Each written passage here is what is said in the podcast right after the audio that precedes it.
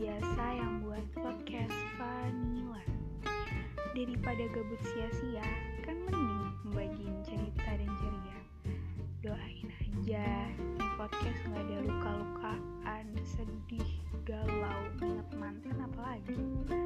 Adanya bahagia, oke? Okay? Aku harap